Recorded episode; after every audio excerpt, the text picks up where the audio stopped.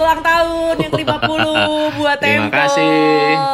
Gila gila gila. Gila, Mas udah tua Azul banget ya. 50 tahun, 50 tahun itu adalah uh, waktu yang sangat spektakular menurut aku buat sebuah media berlangsung di Indonesia loh, di Indonesia gitu. Gitu ya. Iya, iya. Gila Makasih, nih, makasih seru banget. Lisa.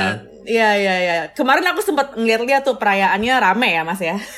Ya rame, jadi karena masih pandemi ya kita semua kita bikin dalam eh, online semua. Mm, mm, mm, mm, mm. Tapi tetap meriah sih menurutku karena banyak eh, ini ya Mas event-event eh, streaming kayak apa aja tuh Mas perayaannya selama ini nih setengah abad loh nih di saat pandemi Oh, lagi. Ki- ki- Kita akan setahun penuh ya perayaannya itu. Jadi yang kemarin itu cuman puncaknya aja. Jadi kita Iya. bikin acara di channel-channel kita di YouTube, di Facebook, di eh, Tempo TV gitu. Tapi kita banyak sekali punya kegiatan itu ada peluncuran buku, ada diskusi, ada pameran, ada eh, pameran foto, ada pameran eh, apa namanya cover cover cover Tempo sejak tahun 71 itu kita pilihin dan kita Kabarnya kita ada liputan khusus juga nih Mas. Ada liputan khusus juga udah keluar tuh di hari pekan ini eh, soal kecap kita bilangnya kecap dapur ha yang sekarang. Kecap dapur 50 tahun tempo ya. Iya iya betul. Hmm. Oke oke. Jadi di podcast kita kali ini kita juga mau party-party nih. Kita nggak hari ini kita nggak ngebahas eh, editorial spesifik seperti biasanya, tapi kita punya eh, dua tamu, dua narasumber biar kita bisa ngobrol-ngobrol soal eh, editorial Tempo selama ini gitu ya. Dan hopefully bisa dikritik sih karena gantian nih. Selama ini kan Mas Azul mengkritik pemerintah, jadi gantian nih Tempo mungkin dikritik Iya. editorialnya. Iya. Eh, di di sini sudah ada eh, Mas Waldo Maldini dari PSI. Halo Mas Waldo.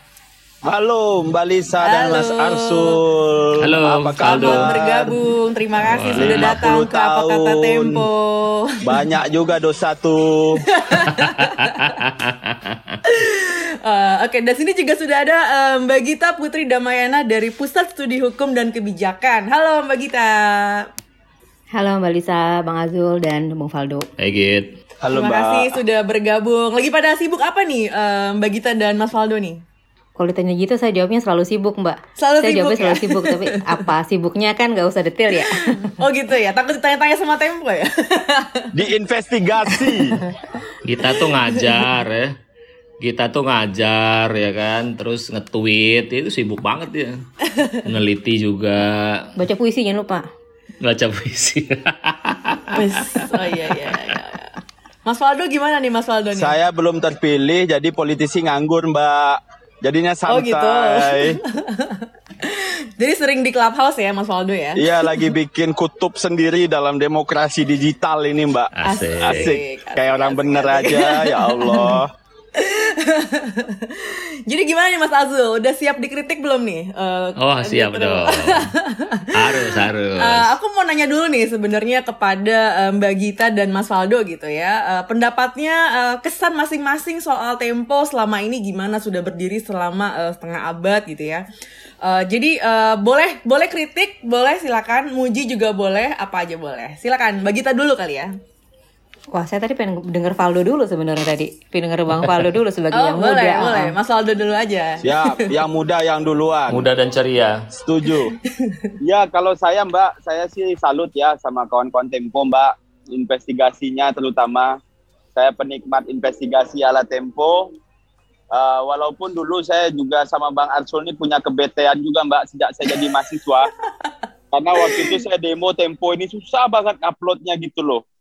Tuh susah banget nih sama Bang Arsul nih gitu kan. Waktu itu saya ngelawan Pak Jonan Bang Arsul yang Ya, pengkhususan stasiun gitu kan. Iya, iya. Wah, gua kan habis banget waktu itu kan, gua ngeblokir rel kereta api waktu itu.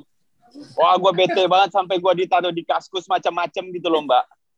Terus nih Bang Arif nih ngapain ngupload berita Jonan ini, gua bilang kan.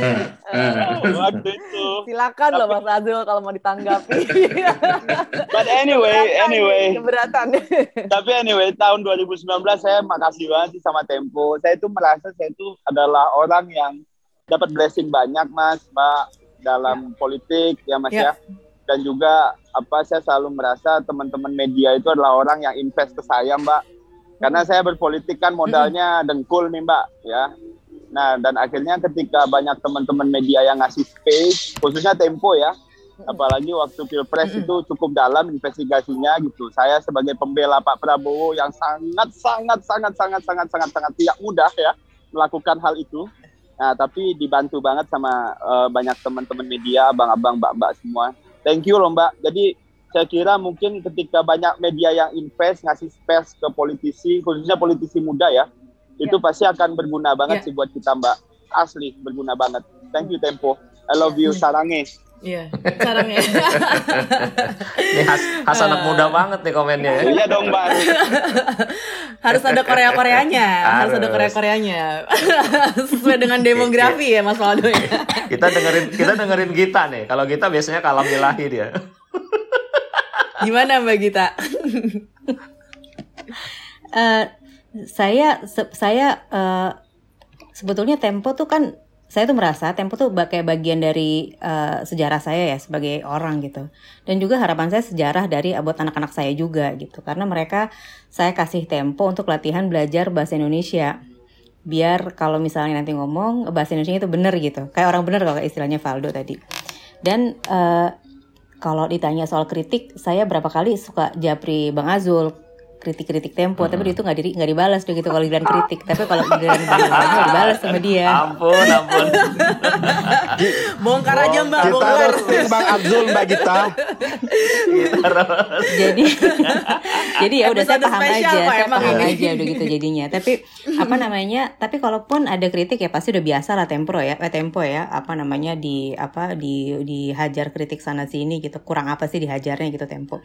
Kalau saya sih dari sisi uh, uh, pemberitaan kalaupun ada ya lagi-lagi karena di, mungkin demand sebagai anak ya background saya hukum gitu kayak misalnya di edisi yang hari yang pekan ini yang mengenai um, regulasi uh, miras investasi miras kalau saya baca saya akan berpikir saya akan pengen nagih misalnya ke teman-teman redaksi Tempo kenapa uh, angle-nya soal pemanjaan konstituen uh, yang berlatar belakang Islam konservatif. Kenapa itu hmm. angle-nya? Kenapa hmm. nggak hmm. tarik angle soal uh, uh, regulasi uh, yang tumpang tindih yang dulu dia, diangkat sama Presiden Jokowi? Itu kan kampanye hmm. dia sebetulnya.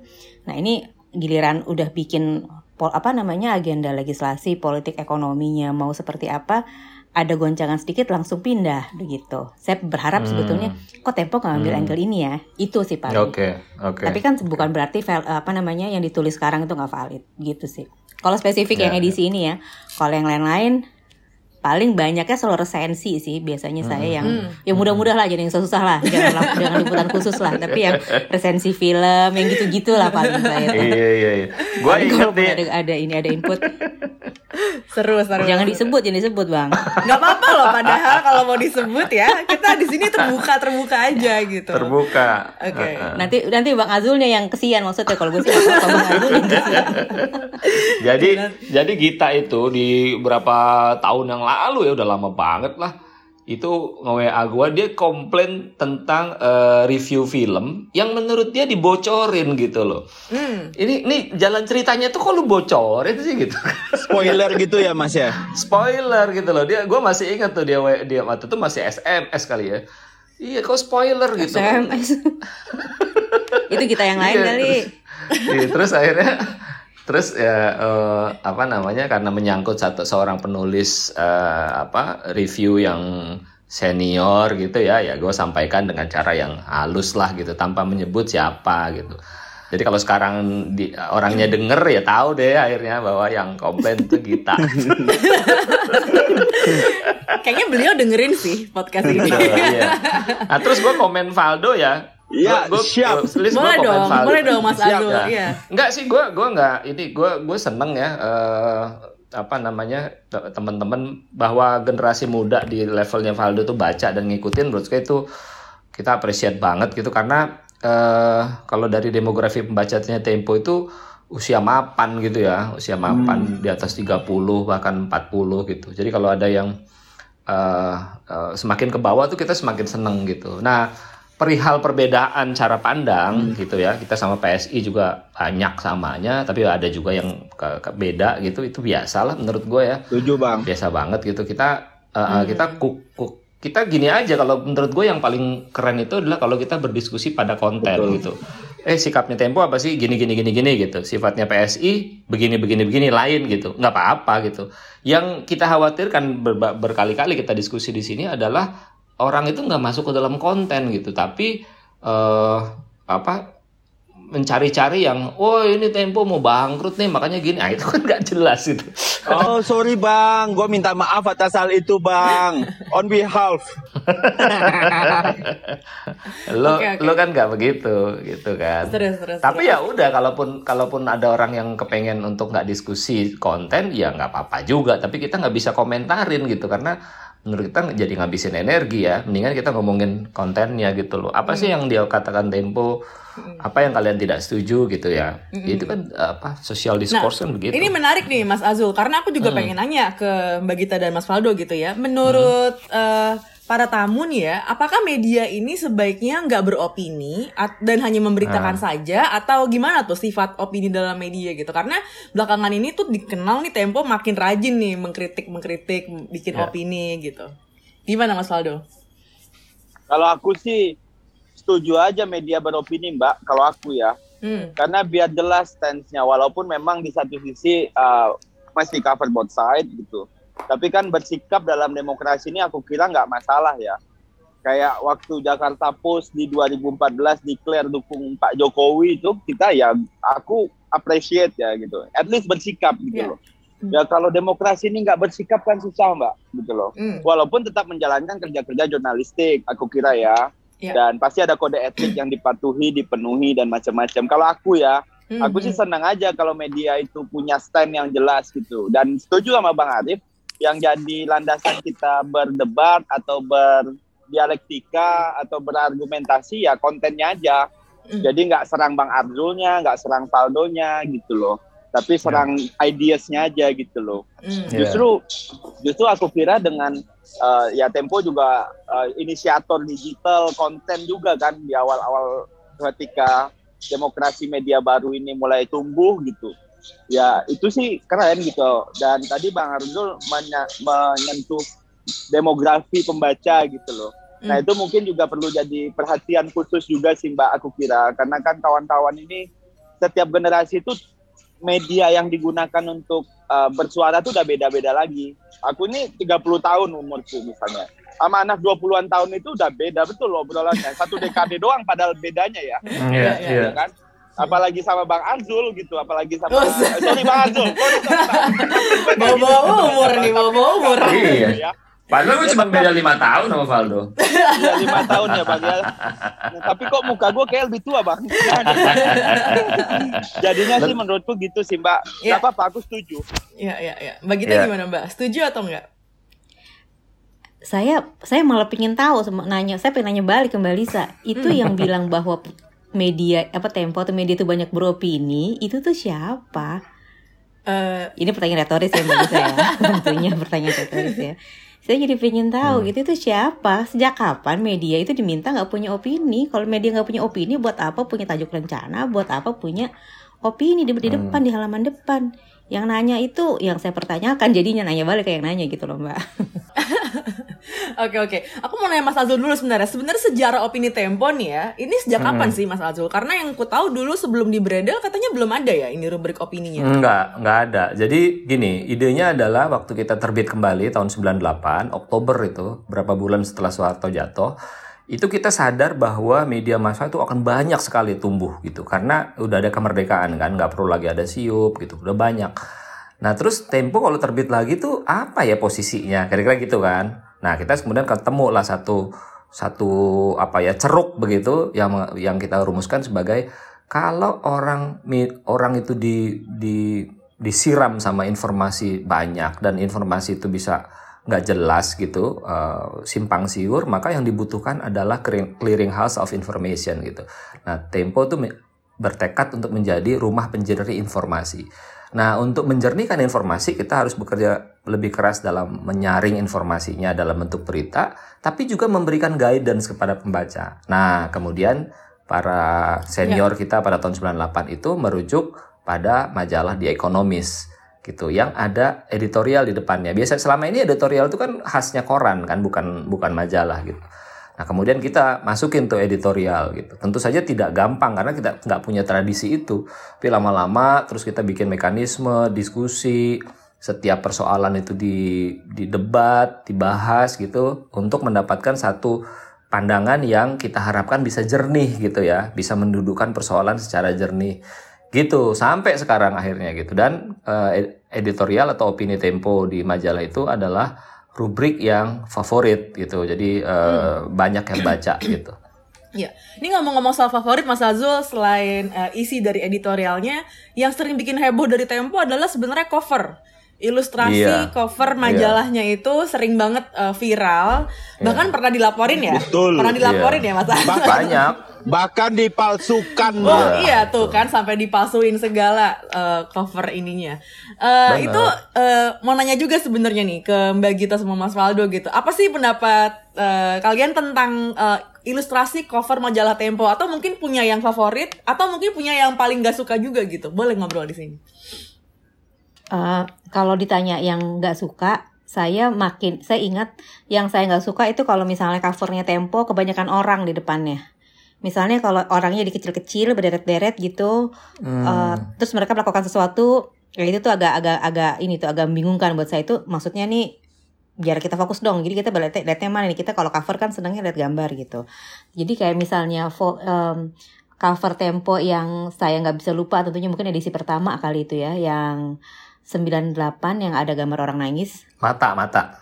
Air mata, sorry mata, mata, mata, ya, mata. Nah. Itu edisi hmm. pertama bukan? Iya, edisi terbit kembali ya. Hmm. Iya, kayaknya yang itu, itu yang pertama. Kemudian yang kedua, uh, waktu cover peristiwa 65 yang uh, gambar depannya itu foto hitam putih, hmm. perempuan ada perempuan uh, antri sebelahnya ada tentara bawa senjata. Yeah. Itu foto. Terus kemudian yang ketiga ini ilus apa ilustrasi yang saya lupa itu Jokowi bukan yang seperti Thanos ya yang mukanya jadi pretelan jadi pretelan gitu tuh mukanya tuh. Hmm, hmm. Saya bahkan lupa beritanya menulis mengenai apa tapi covernya itu yang saya yang menempel gitu ya, covernya Itu ya. perang perang digital tuh gitu. Covernya tentang perang perang digital gitu. Jokowi perang dan uh, dan Prabowo waktu itu. Waktu waktu Pilpres. Uh, menjelang Pilpres. Oke, menarik nih konsep. Bahkan kita lupa tuh isinya apa nih kita covernya gitu. Saking kuatnya ya gambar covernya, jadi inget tuh gambarnya gitu. Saya iya. beritanya lupa. Padahal waktu ya waktu tahun 2020 itu banyak berita soal omnibus cipta kerja yang saya ikutin gitu beritanya, tapi malah covernya saya nggak terlalu ingat tuh itu waktu 2020 gitu. Hmm. Mbak Gita lebih suka cover ilustrasi atau foto, Mbak? Wah, sangat tergantung, Mbak kalau fotonya kuat ya foto kalau ilustrasinya oh, jadi mana yang mana yang kuat aja ya tapi gini ilustrasi yang saya senang itu ya. ilustrasi yang senang tuh kalau misalnya message-nya kuat ya hmm. gitu sih biasanya Bang Faldo nih iya. gimana nih Bang Faldo? Kalau aku sih pengen nanya juga Mbak itu di mana Mbak nemu ilustrator kayak gitu Mbak? Saya juga Wah. pengen Mbak. Tanya Mas ya. Azul tuh. Oh, gimana Azul. tuh Mas? Nemu di mana tuh Mas? iya, jagoan semua. Sekali nemu tuh di diperam semuanya mas ya biar biar nggak ke mana-mana. Saya kira ilustratornya sangat terlatih ya mas ya, bukan one shot ya, bukan sekali dua kali dan mungkin bisa diceritain gitu loh mas proses-proses ilustrasi itu sampai jadi berapa kali revisi kali gitu loh mas. Kadang kan kita kita ini kan ketika ada desain karena kita nggak bisa desain gitu ya udah kita merem aja udah selalu lah pokoknya jadi itu barang gue tinggal upload gitu loh. Nah hmm. tapi kalau ini kan kayaknya ini jadi sebuah masterpiece-nya Tempo dan itu juga diikutin oleh banyak media ya. Dan saya kira kita harus belajar sih terutama partai politik ya. Karena kan hmm. kadang-kadang hmm. orang juga nggak bisa nangkep banyak ketika ngomong tulis apa baca tulisan. Nggak semua orang punya daya tangkap yang sama gitu. Tapi kalau visual satu page gitu mas mungkin bisa di share mas. Aku pengen belajar juga mas minimal nanti kalau aku meng-hire tim desain kira-kira standarnya cover tempo. Oh. Faldo lah siap-siap bikin, kali bikin, bikin media ini Faldo. Ih, Faldo kayak Bang Faldo kayaknya mengambil tips-tips nih Mas Azul nih. Tiba-tiba uh, tengah udah, tahun keluar. Udah setengah abad ilmunya kalau nggak dibagi hilang, Bang. Jadi sebetulnya cover tempo itu uh, ya cover di mana-mana etalase ya. Jadi dia kayak etalase di sebuah toko gitu. Kalau covernya jelek orang nggak bakalan masuk ke dalam toko. Kalau etalasenya jelek begitu. Jadi uh, pertama tentu dia harus menarik. Nah, uh, dia harus menarik. Kedua dia harus merepresentasikan merepresentasikan isi kan, nggak boleh nyimpang dari isinya gitu. Gitu. Nah, bagaimana prosesnya? Ya biasanya ilustrator atau tim desain ini bukan kerja satu orang, ini kerja kerja tim Jadi tim desain itu uh, kita libatkan dalam rapat uh, rapat redaksi gitu. Jadi dia nyerap gitu, dia dengar, dia dengar, dia nyerap gitu. Lalu kemudian dia bikin uh, tiga tiga draft gitu, tiga draft uh, yang nanti kita pilih gitu. Biasanya keputusan akhirnya ada di pemret meskipun diskusinya pasti akan panjang juga gitu. Uh, tambahin ini, kurangin itu gitu, uh, atau kurang menarik dan seterusnya ah baru kemudian di dieksekusi uh, gambarnya gitu. Tapi yang paling penting adalah dia nggak boleh meleset dari isi gitu. Jadi memang kalau isinya lemah kita agak uh, kesulitan tuh. Nah yang kesulit yang susah itu adalah kalau dia problem. Uh, apa? Maksud saya uh, cover story-nya itu tentang satu problem gitu. Itu susah gitu. Karena problem itu kan mesti dikemas sedemikian rupa supaya orang nangkep ya orang nangkep isinya apa sih gitu. Misalnya ini ya misalnya kayak kemarin nih yang terakhir kan kita nulis tentang korupsi pajak ya. E, gimana untuk kesekian kalinya KPK menangkap e, menetapkan tersangka terhadap orang-orang pajak yang menerima suap dari wajib pajak gitu.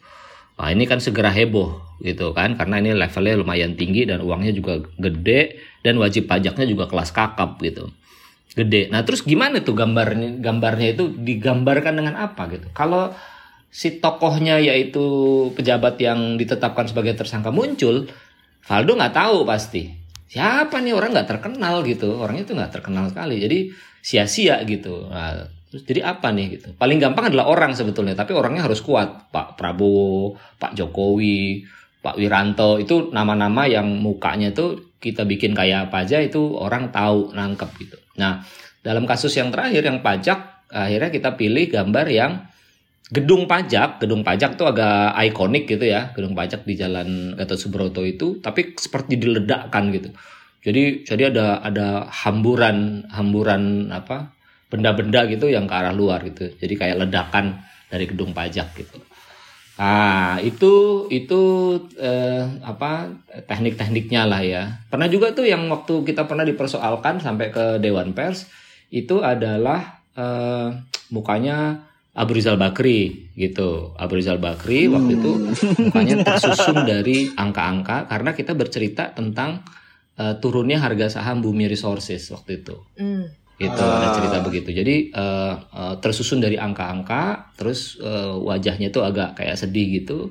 Angka-angkanya tuh melorot gitu berjatuhan gitu. Nah itu kan uh, uh, mudah gitu ya. Tinggal ditambahin dua tiga kata aja orang bisa tahu gitu. Oh ini hmm. tentang si tokoh sedang menghadapi satu persoalan tertentu. Nah waktu itu digugat karena uh, apa? Karena uh, ditafsirkan ada angka yang berulang di situ. Saya gue lupa ya 666 atau 999 gitu di angka angka-angka yang memenuhi wajahnya itu dan itu adalah simbol dari uh, apa namanya uh, uh, evil gitu ya, evil Satan. atau sesuatu sesuatu yang uh, sesuatu yang jahat gitu kan.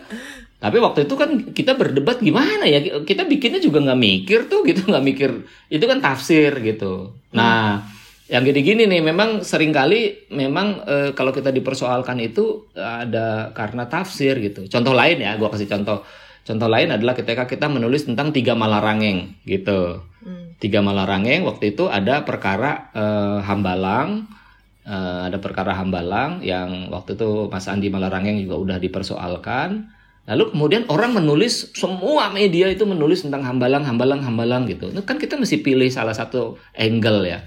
Nah, kita hmm. pilih angle yang humanistik sebetulnya, yaitu menceritakan tiga kakak beradik dalam uh, percaturan politik Indonesia, gitu loh. Jadi ada Andi, uh, uh, Cul Malarangeng, dan Rizal Malarangeng. Nah, covernya itu mereka berada di satu kapal yang adegannya itu seperti sedang me, me, me, me, memeluk uh, ikan hasil tangkapan gitu, memeluk hmm. ikan hasil tangkapan, tapi uh, ikannya itu gulungan gulungan ah uang atau ya gitu ya kayaknya US dollar apa gitu. Ah itu dianggap sebagai uh, apa namanya ya menghina lah gitu. Tapi sekali lagi itu tafsir ya. Di dalam di dalam perdebatan kita di Dewan Pers juga kita waktu itu saya belum pemret atasnya itu. Jadi pemretnya itu bilang bahwa ya kan kalau gini kan bisa tafsirnya macam-macam gitu loh. Ada loh orang yang bilang bahwa ini adalah simbol dari kesabaran karena memancing adalah sebuah tindakan uh, orang untuk sabar gitu kan. Jadi memeluk ikan hasil tangkapan juga artinya dia bangga dengan hasil kesabaran. Kan bisa positif juga gitu kan. Iya. Kira-kira gitulah. Gitu. Tapi memang saya setuju uh, Valdo ya memang harus ada keberanian gitu. Harus ada keberanian dalam memunculkan satu gambar tertentu. Gitu deh. Jadi kenapa gue jadi yang banyak ngomong? Kalau ngomongin Jadi jadi Bang, gue gua mau Ah, tanya lagi nih gimana? Bang. Masa gue nanya nih Mbak Lisa, sorry ya. Boleh Jadi banget, kalau Bang. kalau kalau ada keberanian itu imajinasi lepas gitu ya Bang ya? Ya imajinasi gini, imaj- kalau di dalam jurnalistik kan imajinasi juga harus punya bingkai kan, bingkainya adalah Ah. fakta gitu loh. Gua kita nggak bisa nggak bisa ngarang gitu, nggak bisa ngarang. Harus ada. Nah, misalnya apa ya? Misalnya edisi khusus Pilpres 2000 du- du- du- 2014 gitu.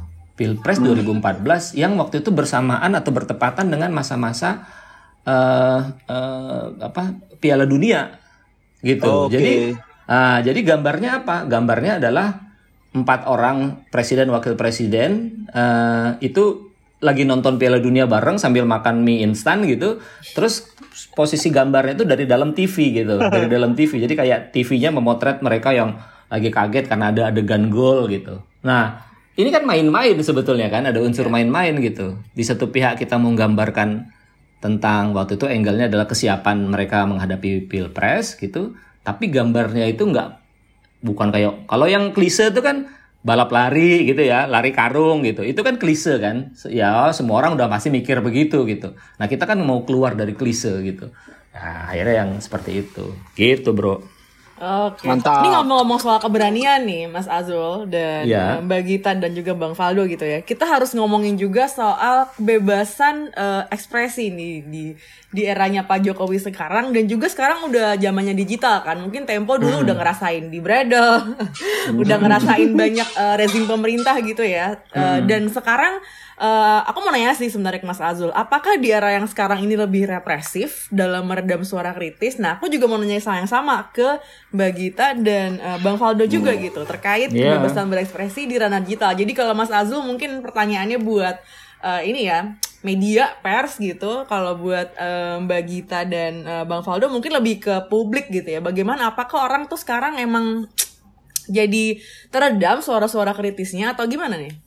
Em, kayaknya sebetulnya yang paling pertama jadi korban kalau dilihat dari berbagai eh, laporan teman-teman ya, itu justru teman-teman jurnalis sendiri. Hmm. Kalau nggak salah laporannya SafeNet itu tuh dari sekian eh, jumlah orang yang dijadikan tersangka eh, kasus eh, undang-undang ITE gitu mayoritas justru malah eh, jurnalis teman-teman jurnalis dan saya pikir eh, teman-teman Aji banyak lah ininya ya apa namanya analisisnya gitu dan liputannya soal ini Bang Azul pasti lebih paham gitu dibanding saya dan eh, kalau sebetulnya nggak usah saya yang ngomong Mbak Lisa. Itu akademisi eh, akademisi asing malah ya. Itu udah nulis udah banyak. Istilahnya udah apa namanya demokrasi apa eh, demokrasi illiberal demokrasi eh, from stagnancy to regression udah udah sampai kajian jadi levelnya udah sampai kajian akademik seperti ini jadi kayaknya nggak perlu seorang Gita gitu yang untuk yang bilang bahwa kualitas demokrasinya memburuk plus adanya undang-undang ITE Eh, tapi Mbak Mbak Gita pernah punya pengalaman diserang gak sih di ranah digital?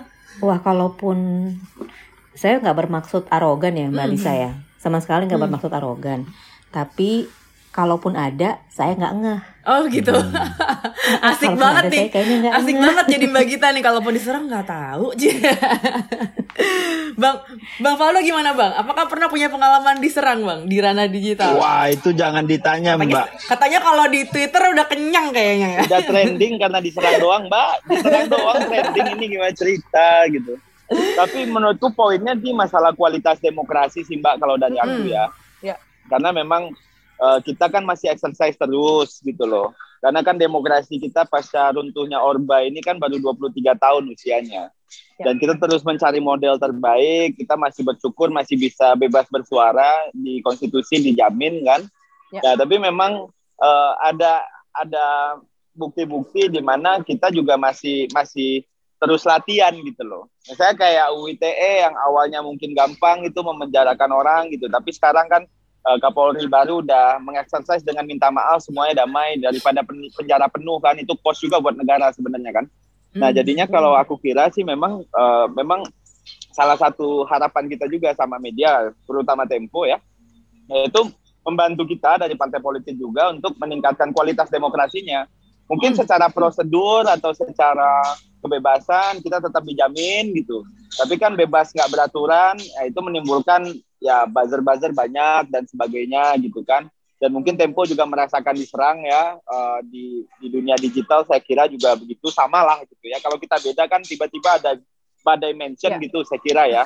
Nah jadi ya menurut aku sih kalau seandainya kualitas demokrasi kita kita exercise terus, media sadar, parpol sadar, terus lembaga kayak PSHK juga sadar gitu loh. Ya saya kira sih orang-orang di DPR, di pemerintah juga nggak akan tutup telinga juga sih Mbak gitu.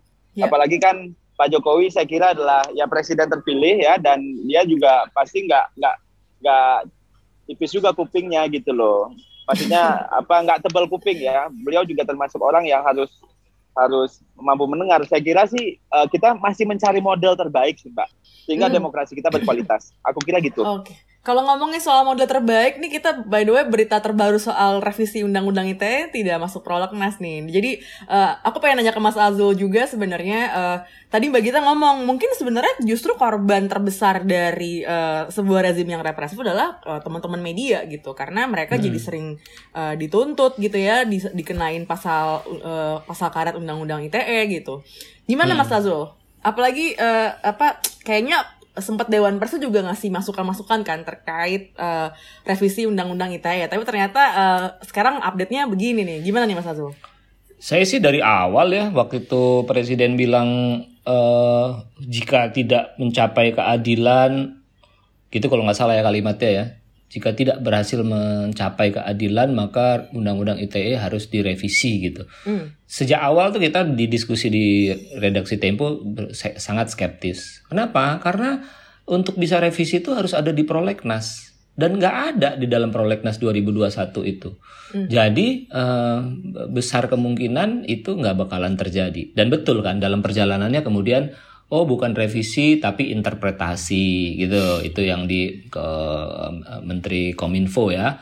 Lalu Pak, Pak Mahfud buka juga bikin tim untuk membahas. Tapi di dalam tujuan dari tim itu tidak pernah ditulis secara tegas bahwa ini untuk merevisi gitu. Jadi yang terjadi kemudian adalah surat edaran dari Kapolri yang tentu saja itu bisa sangat uh, fragile.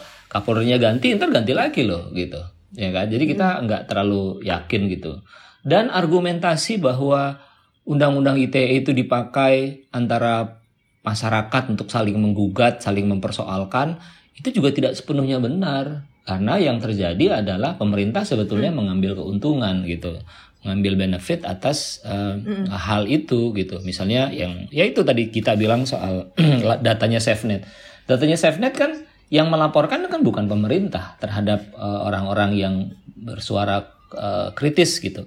Yang melaporkan adalah masyarakat juga gitu. Nah, cuman yang mendapat benefit adalah pemerintah. Nah, menurut saya ada di sini media kalau nggak pinter-pinter bisa terteror dengan keadaan gitu. Jadi di atas permukaan pemerintahnya tidak mengambil langkah-langkah represif gitu, tapi kita tahu bahwa uh, anggota masyarakat kita hanya bisa menduga itu ada kaitan dengan pemerintah tapi kita tidak bisa membuktikan uh, melakukan tindakan-tindakan uh, hukum dan itu diproses oleh uh, penegak hukum. Nah itu yang sering terjadi. Jadi memang situasinya jadi nggak enak. Nah di Tempo kita berusaha untuk melawan uh, apa teror itu, melawan kecemasan itu. Enggak, kalau kita mundur itu bayangin teman-teman kita yang barangkali tidak seberuntung Tempo dalam hal uh, apa namanya skala gitu akan lebih tiarap lagi gitu. Jadi kita berusaha untuk enggak kok. Ini ini kalau kita yakin, nah tentu saja untuk bisa mencapai keyakinan itu uh, apa basis datanya masih kuat betul gitu ya. Kita masih masih kuat betul dan seluruh perangkat etiknya masih dijalankan gitu. Hmm. Kalau enggak ntar kita konyol gitu. Hmm. Itu gitu. Eh kok kita bisa aku terakhir mau ngebahas satu kejadian paling menarik aja sih sebelum kita wrap up uh, episode kali ini gitu ya. Mungkin mm-hmm. uh, salah satu kejadian yang paling panas terjadi di minggu-minggu ini adalah uh, apa yang terjadi di Partai Demokrat sebenarnya. mm. uh, ketika terjadi uh, ini ya uh, apa ya pengambil alih kekuasaan gitu kan. Dan sekarang nih kayaknya uh, bolanya mungkin lagi di pemerintah ya karena mungkin dari pihak uh, mm -hmm. uh, AHY sudah lap, sudah udah safari politik ke kementerian-kementerian gitu kan. Terus dari Pak Muldoko juga uh, ini nih udah apa namanya kayaknya akan mendaftarkan ininya kan mendaftarkan uh, partainya juga tuh yang KLB Demokratnya gitu. Menurut bapak-bapak dan ibu sekalian gitu ya. nih kita kalau mau berdasi ke uh, pemerintah nih sekarang nih uh, harusnya gimana sih mereka nih menghadapi kejadian ini? Gini ya, melihatnya pertama kita berani, memang nggak berani berkomentar gitu. Dalam artian sebagai parpol ya, maksudnya bukan nggak berani sih. Kita juga uh, tahu itu urusan dapur internal partai politik gitu. Tapi memang betul gitu ya, sekarang lagi diuji banget sih aku kira pemerintah gitu loh dalam artian AHY berharap ke mereka, Pak Muldoko juga ikhtiar ke sana gitu loh. Nah, terus mungkin kalau kita di parpol ya bilangnya ya udah lu bertarung aja berdua gitu loh. Bikin kongres dua-duanya mungkin ya udah ber, beradu aja siapa yang menang dan dipilih gitu loh. Karena ini ini serba dilematis nih, mohon maaf ya aku ngomongnya agak belak-belakan gitu. Kalau dukung Mas AHY bisa dianggap mendukung politik dinasti misalnya kan. Ah, kalau dukung Pak Muldoko bisa dianggap apa namanya dalam tanda kutip uh, ya prosesnya mungkin hmm. tidak sesuai DRT dan itu memang nggak urusan kita gitu loh. Nah jadinya kalau kita sih mendoakan yang terbaik Mbak untuk Partai Demokrat ya karena dan itu jadi pelajaran untuk kita gitu loh untuk ya terutama untuk PSI ya hmm. bahwa ya di dalam partai politik mau lama mau baru atau mau pernah berkuasa pun faksi-faksi ini memang akan selalu ada. Nah, bagaimana partai politik bisa mengelola konflik dengan baik gitu loh. Karena suka nggak suka pasti ketika ada faksi ada yang terakomodir, ada yang tidak terakomodir. Yang terakomodir ini akan mengatur strategi kampanye ke depan, yang tidak terakomodir ya mungkin bisa parkir di belakang dulu menunggu election selanjutnya di internal partai gitu loh. Nah jadinya dan dan memang uh, menurutku ya di PSI sendiri aku kira juga punya faksi gitu loh. Ada artian ini penelitianku sendiri sih. Aku kemarin ambil ilmu politik lagi, magister ya di PSI ada ada faksi. Misalnya di temuanku ada tiga. Faksi LSM faksi profesional faksi ormas Islam gitu. Nah faksi LSM yang memenangkan kontestasi gitu. Kenapa? Karena polarisasi yang terjadi gitu loh di Republik ini. Jadi isu-isu kawan-kawan LSM lebih kena gitu loh dibandingkan isu-isu yang uh, mungkin digawangi kelompok profesional atau ormas Islam. PSI aja punya faksi apalagi Partai Demokrat gitu loh Nah, gimana mengelola vaksin ini dan tidak sedikit juga kader-kader PSI yang mundur ketika ada uh, apa namanya uh, anti intoleransi, anti poligami gitu kan. Mbak bayangin aja yang kayak kader PSI di Sumatera Barat, di Aceh itu pusingnya minta ampun kan. Ya kan? Uh, terjadi polarisasi seperti sekarang gitu loh. Nah, jadinya menurut aku sih uh, feelingku sampai 2024 akan terjadi polarisasi apalagi dengan presidential threshold yang makin tinggi seperti sekarang dan kita tidak bisa menghadirkan oposisi yang dalam tanda kutip berkualitas. Ya dalam artian gini yang saya sesalkan dari Partai Demokrat itu bukan Pak Muldokonya Mbak Lisa. Bukan Pak Muldokonya Mas Arief. Tapi ketidakmampuan internal Partai Demokrat menghadirkan hmm. oposisi melawan Pak AHY gitu loh. Nah sehingga itu yang terjadi gitu loh. Hmm. bukan Pak Muldoko take over ke, ke, ke, ke kesedihanku ya. Tapi demokrasi di internalnya ya itu jadi catatan juga untuk kami di PSI sih Maaf ya Partai Demokrat, sarange. sarange tetap. Uh, parkir dulu kalau kata kalau kata Bang Faldo gitu kan. Ini PSI ini ya karena Pro Jokowi ya Bang Faldo. Gak juga, gak juga. Dalam artian aku pribadi kan pernah di dua-duanya Mbak gitu loh. Jadi aku objektif aja gitu loh. Di maksudnya pernah mengkritik setahun, sekarang okay. lagi di sini gitu. Betul betul betul juga betul juga jawaban. Mbak Gita gimana nih Mbak? Silakan Mbak. Iya mbak, saya pasti analisisnya nggak akan seseru Valdo ya, karena Valdo pakai analisis politik, pakai mapping segala macem. Kalau saya kan, kalau anak hukum tuh kan kering-kering aja gitu. Uh, jadi saya takutnya bumbu mbak bumbu bumbu bumbu saya takutnya nggak se animated apa namanya nggak se animated Valdo tapi kalau misalnya ini konflik ada di partai politik Nah kita tuh beruntungnya di Indonesia ini beruntung alhamdulillah wa syukurillah. Di Indonesia ini semua bentuk-bentuk badan hukum itu sudah ada regulasinya, udah ada peraturannya. Dan kalau misalnya berkonflik itu mekanismenya udah ada semua di undang-undang. Mau dia yayasan, mau dia partai politik, mau dia perusahaan pers, mau dia perseroan terbatas, mau dia perusahaan terbuka itu semua udah ada mekanismenya. Dan kalau misalnya di uh, konflik yang ada di Partai Demokrat, bentuknya dia adalah adalah partai politik undang-undangnya apa? Undang-undang partai politik, undang-undang uh, 21 eh sorry, undang 2 2011. Di situ mekanismenya udah jelas kalau misalnya ada ada ada konflik mekanisme seperti apa. Itu pertama-tama uh, kalau saya nggak salah nih ya itu harus diselesaikan melalui mahkamah partai. Kalau nggak selesai baru ada mekanisme gugat menggugat ya gugat pengadilan negeri kemudian kasasi mahkamah agung. Nah sekarang pertanyaannya mekanisme seperti itu sudah dilakukan atau belum di internal partai demokrat? Kemudian mesti dicek hmm. juga di anggaran dasar Partai Demokrat kalau misalnya mau ada ada apa namanya pengajuan soal KLB udah memenuhi udah memenuhi syarat belum semuanya. Jadi memang kalau itu semua sudah terlewati baru kita bisa bilang mana ya baru kita bisa menentukan udah valid atau, atau belum nih apa namanya hmm. uh, prosedurnya gitu. Nah kalau dari soal demokrasi segala macam yang di luar sana okay, jauh lebih cerdas uh, daripada saya. Kembali ke soal lebih, prosedur ya, Mbak Gita ya. Kembali ke soal prosedur maksudnya. Kita lihat situ hmm. dulu. Dan ya, soalnya ya, ya. misalnya analoginya uh, partai politik ini adalah bentuk salah satu bentuk badan hukum. Kalau bayangkan analoginya kalau misalnya yang terjadi konflik ini di perusahaan, di perseroan terbatas misalnya. Kalau misalnya konflik di perseroan terbatas, kemudian bayangkan ada sosok dari uh, pejabat publik yang mengambil alih pimpinan di situ. Ditempatkan menjadi CEO di situ sesuai apa nggak dengan sumpah jabatannya sebagai uh, pejabat publik? Analoginya saya coba tarik ke arah sana ya, apa namanya, uh, lepas dari individunya siapa gitu, bisa siapa saja individunya, tapi apakah kalau dia pejabat publik, kemudian dia ditempatkan di sebuah badan hukum, apakah sesuai dengan anggaran dasar uh, anggaran dasar si uh, badan hukum tersebut, apakah sesuai dengan undang-undang yang mengatur si badan hukum tersebut, dan kemudian dikembalikan ke si pejabat publik, apakah sesuai dengan sumpah jabatannya yang bersangkutan, begitu saya mau kembalikan ke situ dulu aja gitu sebelum jauh-jauh. Demikian Mbak Lisa. Oke okay, oke. Okay. Kan kering kan, Gak gitu seru kan? Uh, nggak apa-apa kan tetap perlu perspektif hukum gitu seru mbak kita harus taat peraturan betul gini gue gue barusan nih selesai diskusi juga nih ya eh, soal partai demokrat ini baru aja nih baru selesai nih jadi ada dua isu sebetulnya kan satu adalah isu uh, internal partai demokrat ya di mana ada apa ke kekisruhan lah gitu atau ketidaksetujuan sejumlah orang terhadap kepemimpinannya AHY yang dipandang elitis, uh, kurang turun, kurang merangkul dan sebagainya gitu. Nah, isu lain adalah orang-orang ini kemudian mencari jalan untuk mem membawa orang luar masuk. Ini uh, apa namanya klaim dari mereka yang mendukung KLB ya.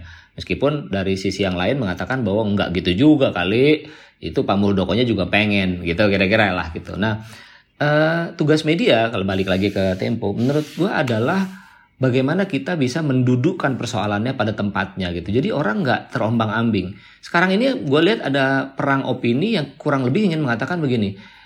Wajar lah Pak Pak Muldoko masuk. Pak Muldoko kan jenderal, punya kepemimpinan, berkarakter. Ini bisa menyelamatkan Partai Demokrat yang elektabilitasnya turun terus di bawah kepemimpinannya AHY gitu. Jadi dicampur dua hal itu. Nah, media tuh menurut gue itu seyogianya bisa memilah gitu. Ya oke, okay, di dalam kepemimpinan Pak, Pak uh, AHY mungkin ada sejumlah catatan begitu, tapi tidak bisa dibenarkan ada orang ujuk-ujuk masuk uh, lewat sebuah uh, KLB yang prosesnya itu cacat gitu. Nah, ini kan mesti duduk perkaranya nih mesti mesti beres. Nah, merumuskan itu kalau kita balik lagi ke soal opini Tempo, eh, opini dan editorial Tempo itu eh, harus dingin ya, harus dingin. Gua mau kasih contoh lain ya. Gua masih ke contoh lain eh, terhadap FPI misalnya. Ya, ketika FPI melakukan banyak kekerasan eh, di publik, kita kita sangat keras mengkritik itu gitu. Tapi ketika FPI dibubarkan lewat cara-cara yang kalau pakai ilmunya Gita itu bertentangan dengan eh, prinsip-prinsip uh, hukum, ya kita tolak juga gitu. Kita tolak juga gitu. Jadi nah dalam konteks seperti ini itu kita bisa diserang oleh uh, orang yang sama gitu. Orang yang sama di satu pihak kita ketika kita mengkritik FPI kita diserang oleh kelompok ini, tapi ketika di uh, kita bela FPI kita dibela oleh kelompok yang sama gitu. Jadi jadi ada dualisme. Nah, kalau kita kalau kita baperan gitu, kita akan terombang-ambing. Kita akan mengambil sikap sesuai dengan keinginan uh, publik, netizen atau siapa pun itu. Contoh lain nih, ini ada kaitan sama FPI, eh sama PSI nih. Ketika dalam perkara Ahok misalnya gitu. Ahok tuh ada lewat ada beberapa perkara ya. Pertama ya dia dipersoalkan kasus Bumi Waras uh, pembelian rumah sakit itu ya oleh pemerintah DKI gitu. Kita udah cek sampai detail kita cek itu uh, nggak salah. Kita yakin betul bahwa pemerintah DKI tidak salah ketika itu. Gitu. Wow, kita diserang sama lawan-lawannya Ahok kan gitu.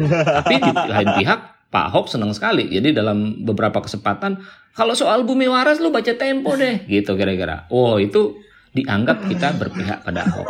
ya kan ini Valdo tahu nih karena dia PSI kan ngambil sikap. Gua gua nggak tahu waktu itu dia udah di PSI atau belum kan. Gua mengamati Tapi kira bang. mulai mengamati. Tapi teman-temannya Valdo di PSI itu juga gampang ngelihat kita. Kenapa? Karena begitu masuk perkara reklamasi, oh kita langsung bilang nggak bener ini. Ini ada yang nggak bener gitu. Yeah kita e, masuk ke soal e, pembiayaan teman Ahok waktu itu ya, itu juga kita kritik juga, kita diserang gitu.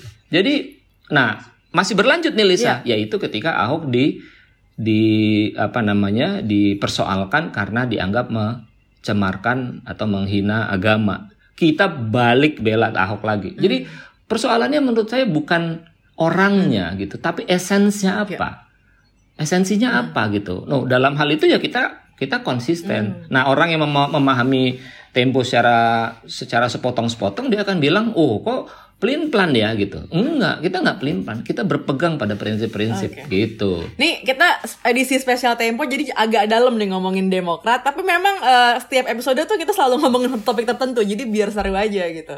Nah, uh, aku mau wrap up dulu episode kali ini. Aku mau nanya ke Mbak Gita dulu deh Mbak Gita. Uh, kira-kira apa sih yang bisa diperbaiki uh, buat Tempo sebagai media ke depannya gitu? Iya. Uh... Naikkan gaji kalau kata kita. Waduh. Apa yang harus diperbaiki? Hmm. Saya mendukung naikkan gaji, naikkan upah pasti mendukung. Yeah. Siapa pun itu ya, gak cuma tempo maksudnya. yang harus diperbaiki ya. Saya pikir yang harus diperbaiki bukan harus diperbaiki ya, tapi yang harus hmm. dilanjutkan kayaknya. Uh, yang harus dilanjutkan adalah Nah, oh, ini karena ada Bang Azul di sini kan saya tahu saya tuh uh, sependek pergaulan saya dengan Bang Azul. Bang Azul ini orangnya pandai menulis ya. Baik budi dan tidak sombong. Uh, betul. Baik budi dan tidak sombong. Tapi maksudnya gini, uh. ketika saya mendengar cerita teman-teman uh, jurnalis Tempo ya, buat orang yang dari kecil uh, di, uh, membaca Tempo itu uh, seperti uh, kayak ketemu apa ya saya sih nggak mau bilang kayak army ketemu BTS nggak akan begitu. Tapi mirip kayak um, hmm. melihat sesuatu lihat oh ini loh oh ini tulisan orang yang gue oh ini orangnya yang nulis selama ini. Oh begitu ceritanya ketika mereka mencari berita hmm. gitu. Dan ada faktor semacam ada cerita ada romantisme gitu di sini ya. Romantisme yang berbeda ya bukan romantisme apa romantisme asmara gitu ada romantisme yang berbeda. Dan yang saya pikir itu yang menempel terus di saya gitu. Dan saya har harapan saya romantisme seperti ini yang bisa berlanjut ke generasi berikutnya dan generasi 2019 hmm. Gen X hmm. ketika mereka jadi cover Tempo masa aksi dan harap harapan saya cerita seperti itu yang nempel ke mereka harapan saya itu wajah-wajah yang ada di cover Tempo itu suatu hari kelak bisa nunjuk ngasih lihat nih muka nggak tahu bahasa depan mereka nyebut anak mereka hmm. apa ya ini muka Umi Abi mami papi waktu kita tahun 2019 gitu. Oh ya Umi. Saya sih harapannya sih uh, mungkin soal eh. teknis segala macam. maksudnya maksudnya Gen Z kali ya? Maksudnya Gen Z, generasi generasinya yeah, ini, yeah, yeah. generasi yeah. anak-anaknya Bang Azul, bukan anak saya, generasi anak-anaknya Bang Azul. Iya iya iya. Oke, Bang Faldo gimana nih Bang Faldo? Ada masukan buat Tempo ke depannya karena kalau ulang tahun tuh kita reflektif gitu kan. Uh, kita harus ngapain nih? Kita melihat ke belakang mau ngapain lagi ke depan gitu.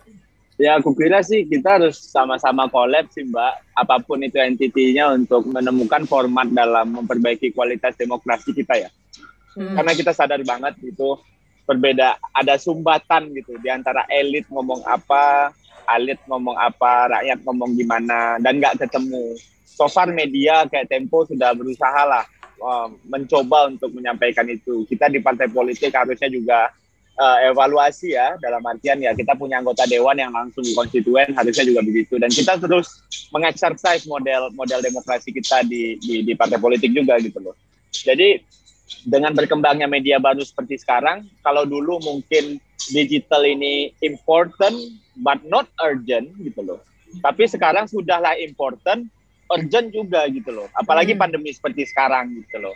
Dan ini sih kita belum ketemu juga kan model terbaik untuk uh, dalam dalam tanda kutip ya menyampaikan aspirasi publik lah. Ya perannya mungkin sama gitu. Ada yang ya ini kan aktor aktor-aktor demokrasi pasca Orba runtuh kan termasuklah media salah satunya. Dan mudah-mudahan Tempo berkenan juga untuk ngasih feedback ke partai politik gitu kan. Dari di balik kritikannya kita pasti terima masukannya atau ujiannya kita kadang-kadang senang gitu. Kalau dikritik kadang-kadang telinga kita panas gitu kan. Tapi ya sudahlah gitu kan. Itu kan yang di capture sama tempo gitu loh. Hmm. dan kita belajar dari sana sih mbak. Jadi kalau aku sih kita masih muda banget usia demokrasi kita 23 tahun. Dan kalau kita lihat di Amerika yang udah ratusan tahun aja gitu itu pun masih banyak korban dalam demokrasi kita. Bahkan nyawa ya gitu loh. Yeah. Jadinya ya bareng-bareng lah Mbak dan jangan lupa kasih kesempatan ke banyak politisi yang uh, baru ya. Saya nggak pengen bilang muda sih Mbak, tapi baru kali ya. Karena kadang-kadang yang muda itu perangainya itu kadang-kadang lebih tua daripada yang senior gitu kan. Yang ah, senior iya. kadang-kadang perangainya lebih muda dari anak muda. Politisi baru waduh, waduh. gitu ya. Politisi baru yang iya. mungkin yeah mencoba ikhtiar politik alternatif mbak gitu dan yeah. the new the new the new politician itu content creator aku kira nah kasihlah oh. mbak kesempatan kepada kami untuk uh, nyampein konten-konten kami dengan dengan ya jangan sampai beritanya tentang Valdo Maldini ini kepleset di uh, kamar mandi gitu loh. Kalau nggak ada pikirannya kan susah juga tempo kan. Nah, kira-kira gitu. gitu Mas Azul. Jadi konten uh, creator para politisi yeah, yeah. ini dikasih uh, ini lagi Mas, diajak kerja sama lagi bareng gitu. Gimana tuh Mas? yes, yes. Well noted lah, well noted. Kita ini kok kita seneng kok collab-collab sama anak muda. Dulu juga waktu pemilu 2014 misalnya kita bikin uh, kita endorse loh kita endorse itu udah lintas partai. Eh, orang-orang uh, atau calon-calon legislator yang kita anggap uh, potensial gitu. Kita anggap potensial uh, bukan sekedar elektabilitas ya tapi punya gagasan. Sikap-sikap sikap-sikap politiknya bagus gitu terhadap pluralisme kebebasan gitu. Dan saya kalau saya nggak salah itu dari PSI ada tuh. Ada tuh dari PSI yang sekarang jadi wakil menteri Nah, itu juga masuk dalam dalam radar kita gitu. Jadi jadi kalau itu sih uh, nggak nggak persoalan ya, nggak persoalan salah sama sekali ya. Jadi menurut saya ya bagus lah malah itu, Liz. Oke, kita wrap up aja episode kali ini, episode spesial uh, ulang tahun Tempo 50 tahun. Thank you banget Mbak Gita, Bang Faldo udah join di episode kali ini ngobrol-ngobrol soal Tempo. Tadi sempat uh, agak itu dikit soal Demokrat gitu ya, tapi nggak apa karena tetap kalau kalau ngomongin di episode Tempo ini emang harus ada isu-isu terbaru gitu, isu-isu terkini gitu. Terima kasih banget uh, Mas Azul juga, happy birthday Tempo. Thank you, thank you. Uh, birthday Tempo. Kita ketemu lagi uh, minggu Selamat depan. Milah. Happy birthday Selamat lagi Tempo. Oke,